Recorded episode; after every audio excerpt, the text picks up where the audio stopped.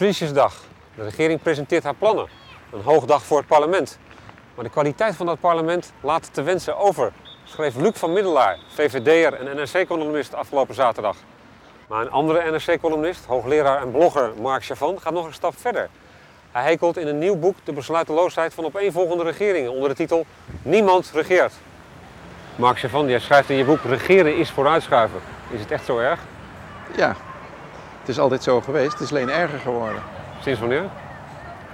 Ja, ik denk de laatste 10, 15 jaar hebben we, eh, juist omdat we er zo genoeg van kregen, een golf van daadkracht gekregen door alles wat we aan overheidstaken maar even de deur uit konden doen te verkopen. En nu hebben we er geen greep meer op. Het vervelende is dat de Tweede Kamer en het volk wel willen dat de regering ervoor zorgt. Wat is het ergste voorbeeld van vooruitschuiven? Daar heb je een jaar voor nodig om te kiezen. Maar het meest recente voorbeeld is natuurlijk de Westerschelde. Die hebben we afgesproken met de Belgen na eindeloos overleg met iedereen en de Belgen. Drie jaar geleden hebben we gezegd, we gaan hem uitdiepen. En omdat de natuur een beetje schade leidt, gaan we een polder doorprikken. Oké, afgesproken. Nou, dan begint de hele overlegronde begint weer opnieuw. Het hele circus is weer begonnen. Dan hebben we een extra commissie om uit te zoeken, kan het anders? De commissie zitten allemaal deskundige mensen, niet zomaar politici, maar mensen die ervoor geleerd hebben, voor, voor water. En die zeggen, nee, het kan niet anders. Oké. Nou, en dan beslist de regering, we gaan het anders doen. En daarna beslissen ze, we gaan het niet anders doen. Wat is de oorzaak? De oorzaak eh, ligt aan dat Nederlanders de verantwoordelijkheid graag elders leggen. Politici in andere landen zeggen trots, deze weg heb ik laten aanleggen. En in Nederland zeggen ze, het was onvermijdelijk, er moest een weg komen. Maar zij hebben het niet gedaan, dat is één ding. Maar er is dus bijgekomen dat die mode van de markt, hè, eh, regeren, de staat, dat is allemaal fout geworden. 10, 15 jaar geleden hebben we gezegd, de markt kan dat allemaal veel beter en goedkoper. Ja, en nu hebben we het niet meer in de hand en een heleboel dingen zijn gewoon overheidstaken.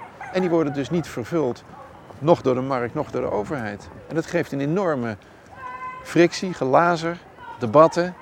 En voortdurend ministers in die Kamer zeggen, ja het is heel vervelend, maar ik ga er niet over. Luc van Middelaar, oud-adviseur van Frits Bolkestein en Josias van Aartsen. Jij zegt eigenlijk, parlementariërs weten niet goed hoe ze het volk moeten vertegenwoordigen.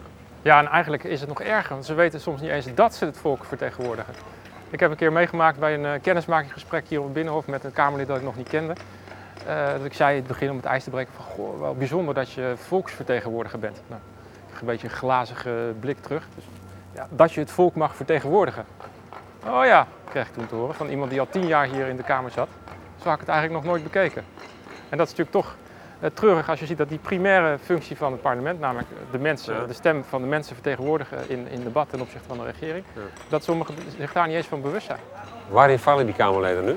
Ja, die Kamerleden falen als ze niet in staat zijn om uh, namens de bevolking uh, te spreken.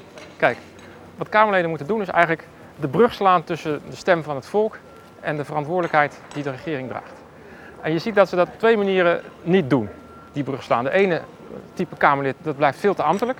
En de andere, die zijn puur populistisch. Hè? De ene, die zijn alleen maar het volk.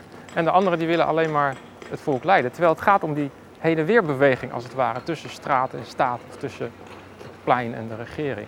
Is het ook erger geworden sinds Fortuyn? Is de regering ook faalangstiger geworden? Ik denk dat dat er wel bij komt, ja. Er is natuurlijk een, uh, een soort onvrede gekanaliseerd door Fortuyn. Dat, gaat, uh, dat ging toen al over veel meer dan uh, immigranten. Wilders heeft die stroom overgenomen. En opnieuw is die ontevredenheid van mensen, die ze misschien uiten door op hem te stemmen, gaat in werkelijkheid over het gevoel dat de regering niet regeert, dat de politiek niet beslissingen durft te nemen. En als ze ze nemen, dat ze altijd weer een nieuwe beslissing voorbereiden. Die, die onvrede die leidt ook tot in, in het bedrijfsleven en bij, bij uh, andere overheden tot een gevoel van Den Haag is onbetrouwbaar. Is het een typisch Nederlands verschijnsel? Nou, de wereld is ingewikkeld geworden en er zijn heel veel immigratiestromen. Dat is niet Nederlands. Wat wel Nederlands is, is dat we die laatste 15 jaar, 10 jaar zo blindelings die privatiseringsmode hebben omhelst. En dat we dus werkelijk alles de deur uit hebben gedaan. Ja. Maar je kunt zeggen, in Amerika worstelen bijvoorbeeld de democraten ook al decennia met de herziening van de gezondheidszorg. Nu Obama ook weer. In Duitsland heeft men ook problemen met de vergrijzing, de gezondheidszorg. Dus het... Nee, dat soort problemen heeft iedereen. En in Amerika zie je dat natuurlijk de politiek zodanig geprivatiseerd is, Ja. dat nu die gezondheidszorgkwestie gewoon door het bedrijfsleven, de verzekeringsmaatschappijen, de ziekenhuisbedrijven eh, gesaboteerd is. Met alle middelen van moderne reclamevoering. Is de kwaliteit van het parlement na Fortuyn toe of afgenomen? Toegenomen. Dat Ik denk wel. ja zeker. Ik denk dat Fortuyn de eerste is geweest die die bres heeft geslagen in die, in die totaal ambtelijke eh, binnenhofcultuur die onder Paars natuurlijk eh, zijn hoogtepunt had. En dat toen wel echt het besef is doorgedrongen van Ja. we moeten er wat aan doen. Het is, het is onvoldoende hoe wij eh, hier politiek bedrijven. Er, er, er smult iets eh, in de bevolking waar, wat we helemaal niet hebben zien aankomen. En er zijn toen mensen die geprobeerd hebben, nou neem bijvoorbeeld eh, Wouter Bos van de Partij van de Arbeid. Die is natuurlijk eh, na eh, die Fortuyn-verkiezingen aan de macht gekomen, Ja. omdat de PvdA enorme klap had gehad. En men daar voelde, ja, we moeten ook een ander type politiek leiderschap hebben, wat veel beter overkomt in de media. Nou, Bos heeft die rol heel goed vervuld. Heeft verkiezingen gewonnen. Die is op de zeepkist gesprongen. Wat je moet doen en wat de Fortuyns ook doen.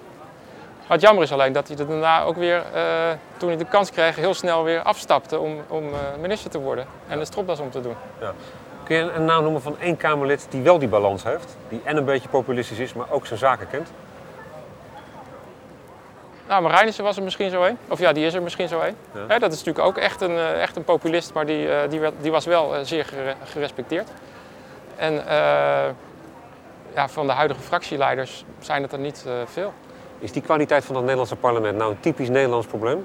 Ja, ik denk dat er weinig plekken zijn waar de, eh, de afstand tussen de kiezers en, de, en die Kamerleden zo groot is. Dat mensen het gros van die Kamerleden helemaal niet kennen.